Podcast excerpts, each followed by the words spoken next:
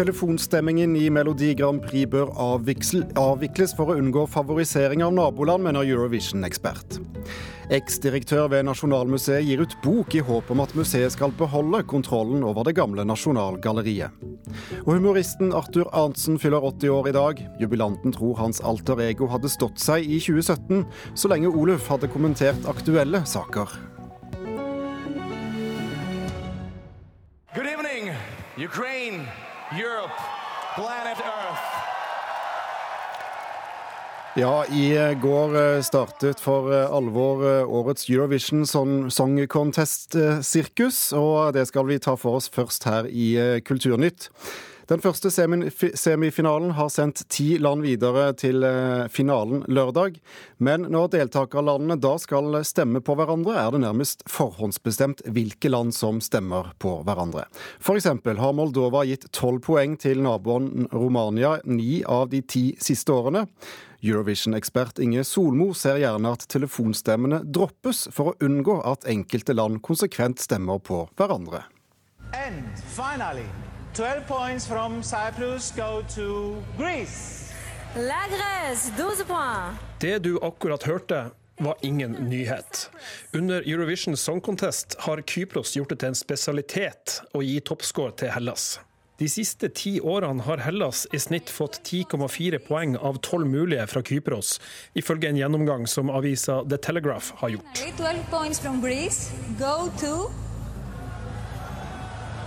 Så hvis du trodde at det utelukkende er de musikalske kvalitetene som bestemmer hvem som får poeng i Eurovision Song Contest, så må du tro om igjen. Og eksemplene på godt naboskap i Eurovision er mange. Moldova gir så å si alltid tolv poeng til Romania. Eurovision-ekspert Inge Solmo er kritisk til at kvaliteten på låtene kan komme i andre rekke når folk skal stemme. Det blir negativt hvis man stemmer ren taktisk kun på en nabo, fordi at man stemmer på på et land på en måte, og ikke på en sang. I dag har hvert land både telefonstemmer og en jury som bestemmer hvilke land som skal få poeng. Solmo skulle helst sett at bare juryen bestemte, og at telefonstemmene ble avvikla. Jeg hadde ikke vært trist og lei om det hadde blitt avvikla, men så er jo verden blitt sånn, og verden er jo blitt eh, kallende moderne at det er det som må til for å tekkes TV-seere. Stig Karlsen, som er prosjektleder i Melodi Grand Prix, vil ikke utestenge folk fra å stemme. Det er viktig at man har la publikum eh, rett og slett eh, få lov til å være en del av denne festen, og at man ikke lar dette bare bli et eh, fagpanel som skal stemme. Det er jo en folkefest, så vi, vi må ha publikumsstemmer. Og så må man heller bare jobbe med å se hvordan er det man kan legge opp stemme system på best mulig måte så det blir rettferdig. og Det syns jeg man er gode på. Storpolitikk spiller definitivt en rolle når Eurovision-poengene skal deles ut. Det spente forholdet mellom nabolandene Aserbajdsjan og Armenia gjør at de ikke er spesielt rause med hverandre i den europeiske sangkonkurransen. Ifølge The Guardian ble ei lita gruppe aserbajdsjanere i 2009 innkalt til avhør av sikkerhetspolitiet etter at de hadde stemt for det armenske bidraget i finalen. Det er også dokumentert at de nordiske landene deler ut mye poeng til hverandre under finalen. Likevel framstår Norge litt som taperen i vennegjengen. For vi får mye mindre poeng fra Danmark og Sverige enn vi gir til dem. 12 points from Denmark go to Heroes Sweden! For hvert poeng vi får fra svenskene og danskene, gir vi mer enn ett og et halvt poeng tilbake til hver av dem. Ja, du kan så si at vi er taperen i vennegjengen. Vi er liksom, ja. Norge har, jeg vet ikke om det er en sånn naiv tanke vi har, at vi skal være så snille og vi skal gi poeng til våre naboer, Danmark og Sverige spesielt, som vi forstår oss veldig godt på, og også delvis Island. Men det at Norge befinner seg i en slags nordisk allianse, har kanskje ikke hjulpet oss så veldig mye uansett. Vi har kommet sist elleve ganger og fått null poeng fire ganger. Begge deler er rekord.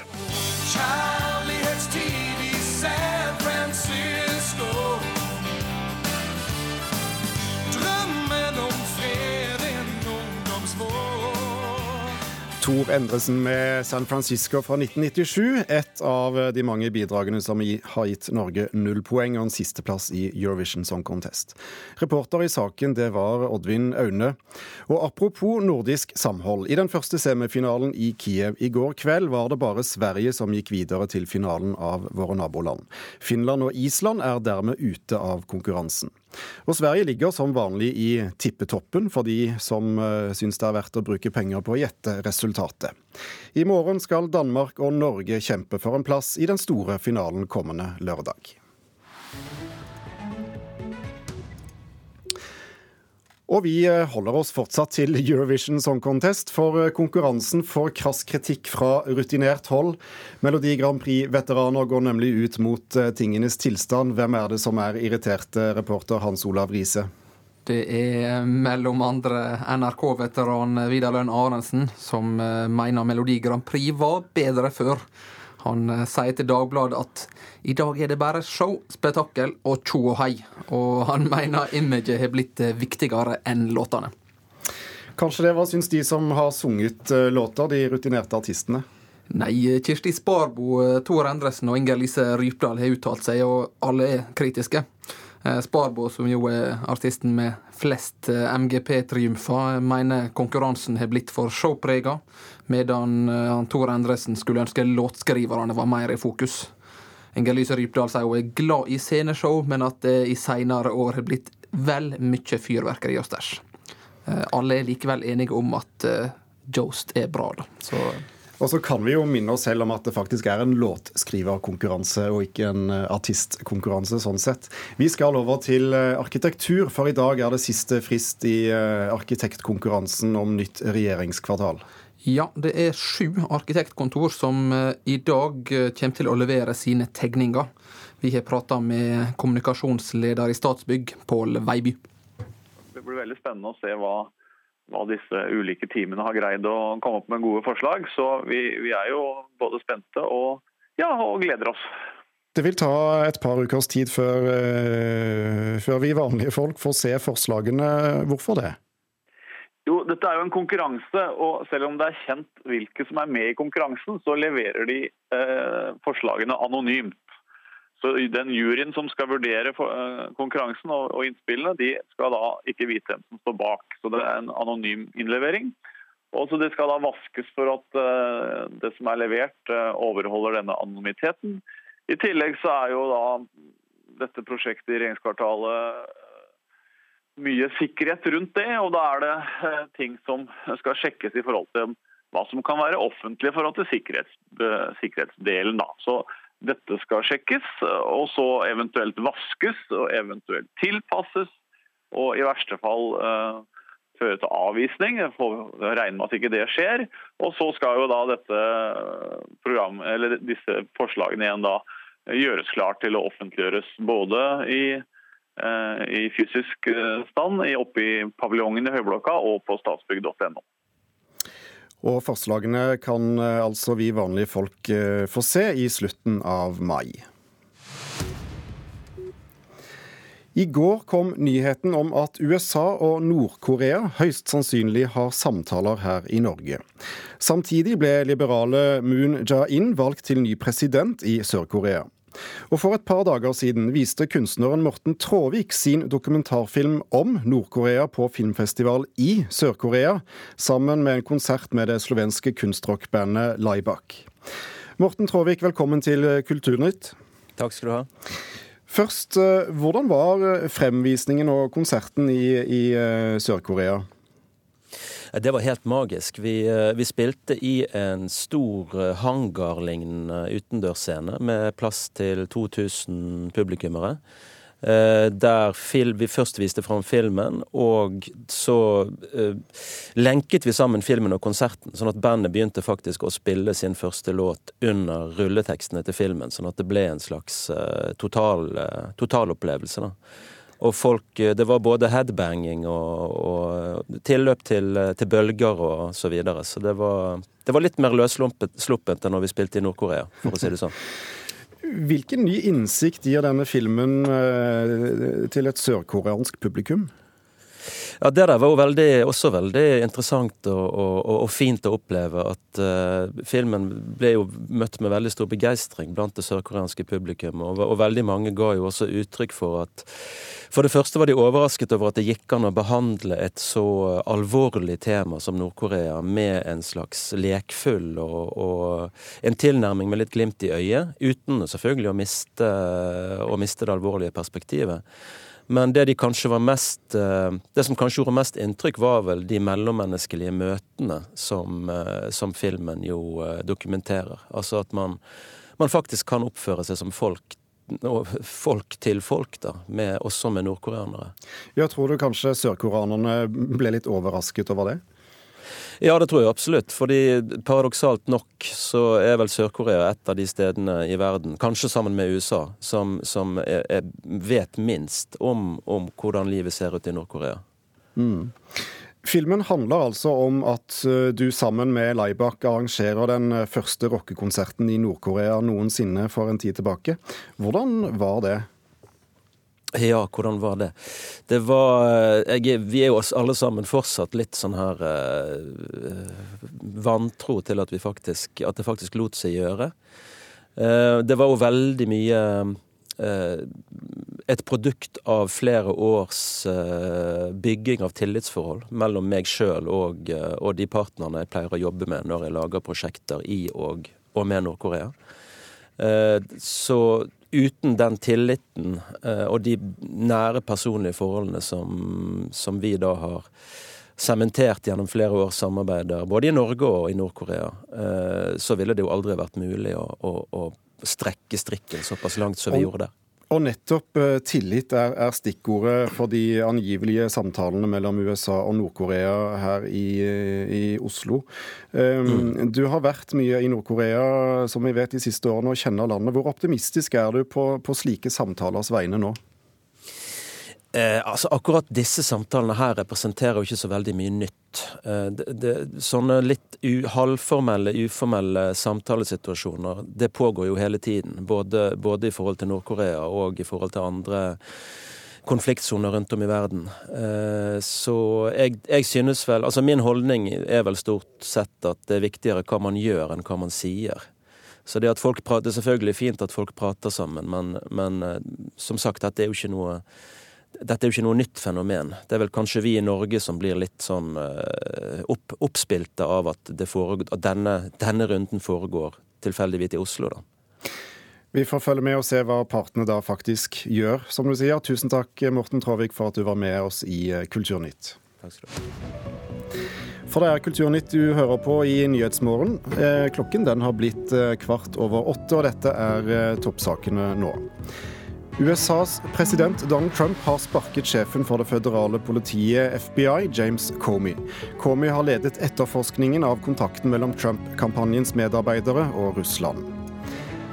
Foreldrepermisjonen kommer til å bli delt likt mellom mor og far, det spår NHO. Også i LO diskuterer de nå om de skal gå inn for at foreldrepermisjonen deles likt.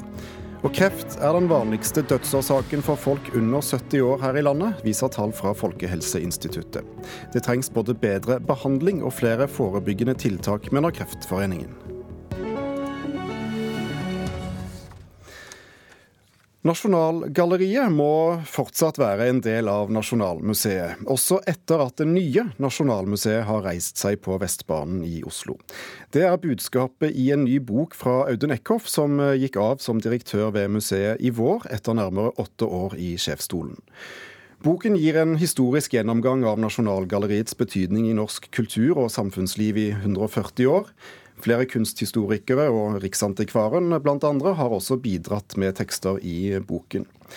Audun Eckhoff, hva er det ved denne bygningen som ikke kan ivaretas av et nytt museumsbygg?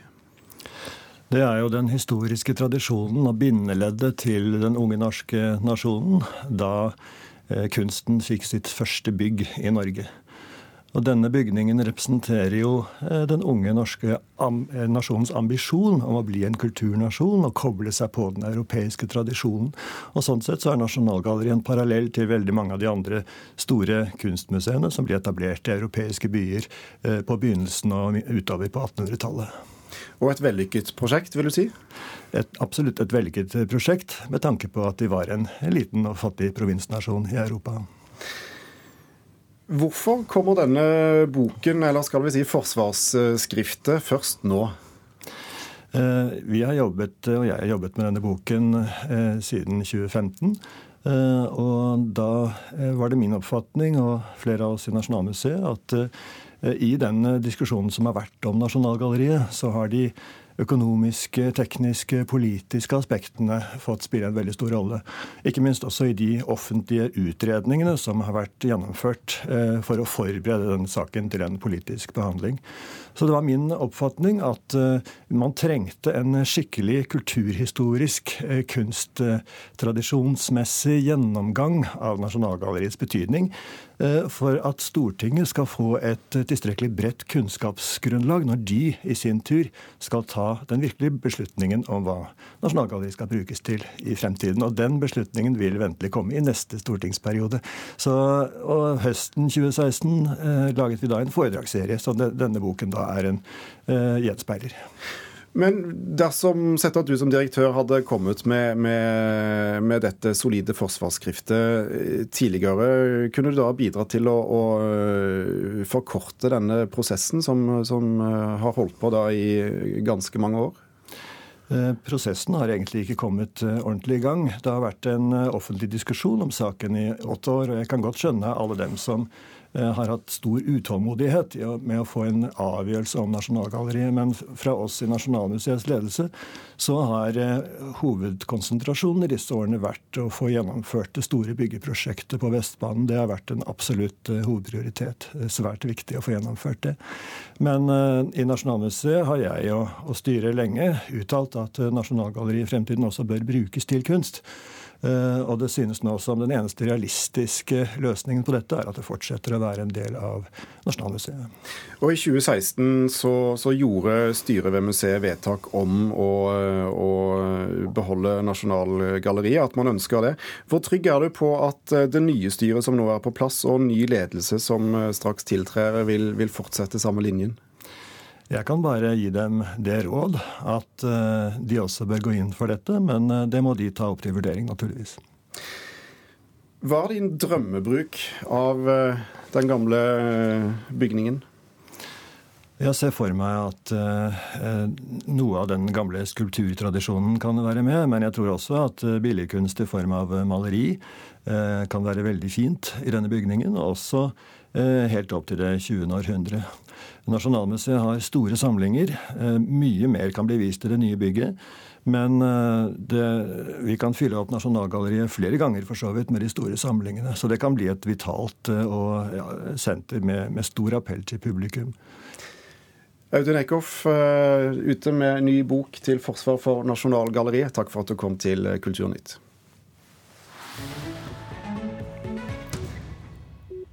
I dag fyller Arthur Arntzen 80 år. Humoristen fra Tromsø er nok best kjent for figuren Oluf er, er, Skal vi se, en søring skal si Rallkatli som han sto på scenen med i over 50 år. Selv mener jubilanten at hans alter ego hadde stått seg i 2017, så lenge Oluf hadde kommentert aktuelle saker. Nei, Ole, vi gjorde ikke det. Arthur Arntzen ved sitt faste kafébord i Tromsø sentrum. I mer enn 50 år har han og kameratflokken møttes her til gapskratt og kaffe. Det daglige møtet med bestevennene er fortsatt livsviktig for den kjente humoristen, som i dag fyller 80 år. Ja, vi mennesker er jo uh, vanlige mennesker, men jeg har det her gjenget her som jeg får høre sannheten hos. Når du kommer herifra, så vet du hva du er for noe. Så jeg går med bøyd hode fra hver dag her, og sånn skal det være.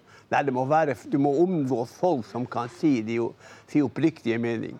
Det er viktig. Det er viktig med, med gode venner. Ja, Svarten om det kan ikke barnefaren er jo ikke kjønnsmoden ennå. Arthur Arntzen og hans alter ego Oluf Ralkatli er for mange selve bildet på nordnorsk humor. Her fra den berømte farskapssaken i 1981. Debuten den fant sted på et eh, ungdomshus i Tromsdalen på slutten av 50-tallet.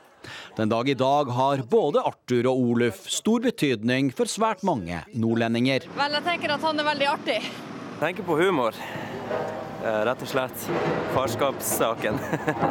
Jeg tenker en fantastisk eh, nordlending og en fantastisk humorist. Sjøl er jubilanten beskjeden på egne vegne, men erkjenner at i hvert fall Oluf har hatt betydning. Man kom til rett tid. Tida var riktig. Med eh, mye folk her nord som hadde en sånn mindreverdighetsfølelse, så, så kom en Oluf plutselig og kom på fjernsyn og kom i radio. Det var, og han ble jo en slags ambassadør, er jo et ord som han Oluf ikke bruker. men men at han betydde noe, ja, jeg er så ubeskjeden jeg sier det. Og vet du hva som fortumla da vi gikk her ned i Storgata på hjemtur? Så ble hun påkjørt av en bil. Av en bil? Ja. Ja, Det var synd. Ja, det var synd. Det var en nesten ny bil. Den berømte skinnlua ble lagt på hylla for ti år sia. Å hente gamlingen fram igjen har ikke kommet på tale. Men Arntzen tror at Oluf kunne ha fungert også i 2017. Jo, hvis han hadde kommentert aktuelle saker, så kanskje. Men ikke med Emma-historie og, og, og gamle Lars-historie. Det hadde ikke gått. Men med aktuelle ting, ja, så tror jeg nok at han Ja. At han hadde fått en stemme, han òg.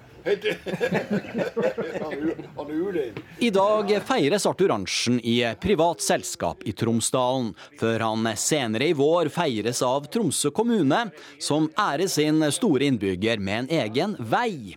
Sjøl er ikke 80-årsjubilanten så opptatt av den store dagen. Man må nesten bli det for å, for å forstå det, men det har jo med helsa å gjøre. Jeg har jo vært heldig som har god helse. og og Hukommelsen kan jo være så som så, men, men helse er god, og det er viktig. Ja, 80-åringen Arthur Arntzen ble intervjuet av Rune Norgård Andreassen.